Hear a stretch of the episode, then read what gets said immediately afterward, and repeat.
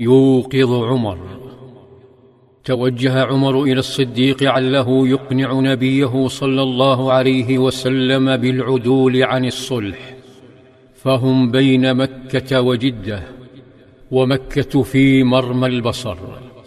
فقال عمر يا أبا بكر أليس هذا نبي الله حقا؟ قال بلى.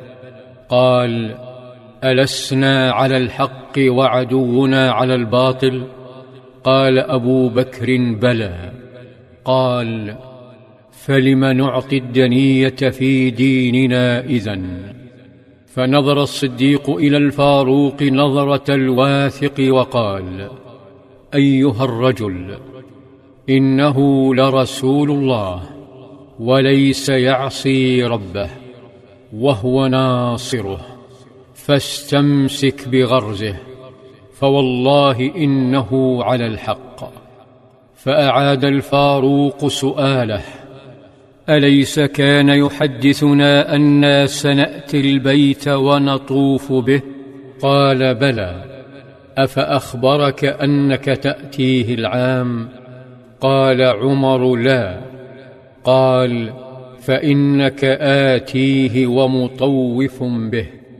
أعادت كلمات الصديق السكينة إلى عمر فسكت غضبه ثم ندم على ما كان منه ندما شديدا حتى قال ما زلت أصوم وأتصدق وأصلي وأعتق من الذي صنعت مخافة كلام الذي تكلمت به يومئذ حتى رجوت أن يكون خيرا كشف صلح الحديبية أمورا.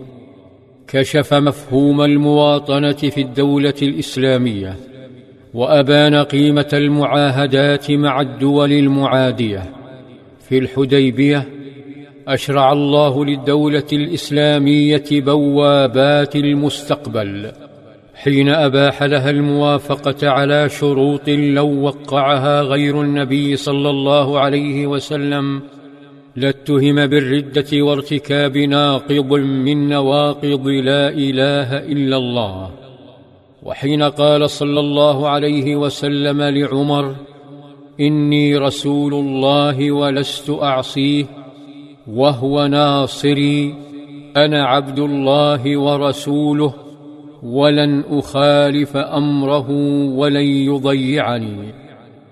هنا يبدو الأمر نصا لا مجال فيه للاعتراض لكن هذا النص يسلط الضوء على الجهة التي وقعت أي القيادة فهي قيادة جادة مجاهدة رغم أنه صلى الله عليه وسلم أقام دولته بالكلمة بالإقناع.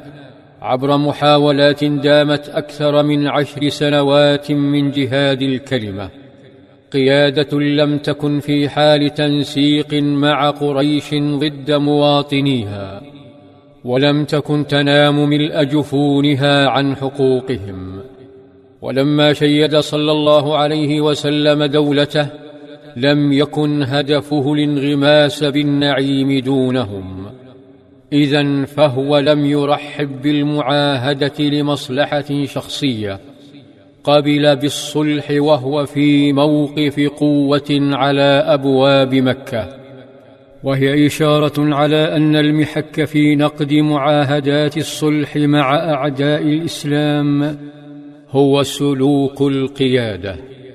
فإن كانت قيادة بناءة تقوم بالصلح لتتفرغ للبناء وتقوية الوطن بالعدل وبالعلم فالصلح استمرار للحديبية وإلا فلا. أما المدهش الآخر فهو معنى المواطنة المعنى الذي كشفه صلى الله عليه وسلم قبل ألف وأربعمائة عام.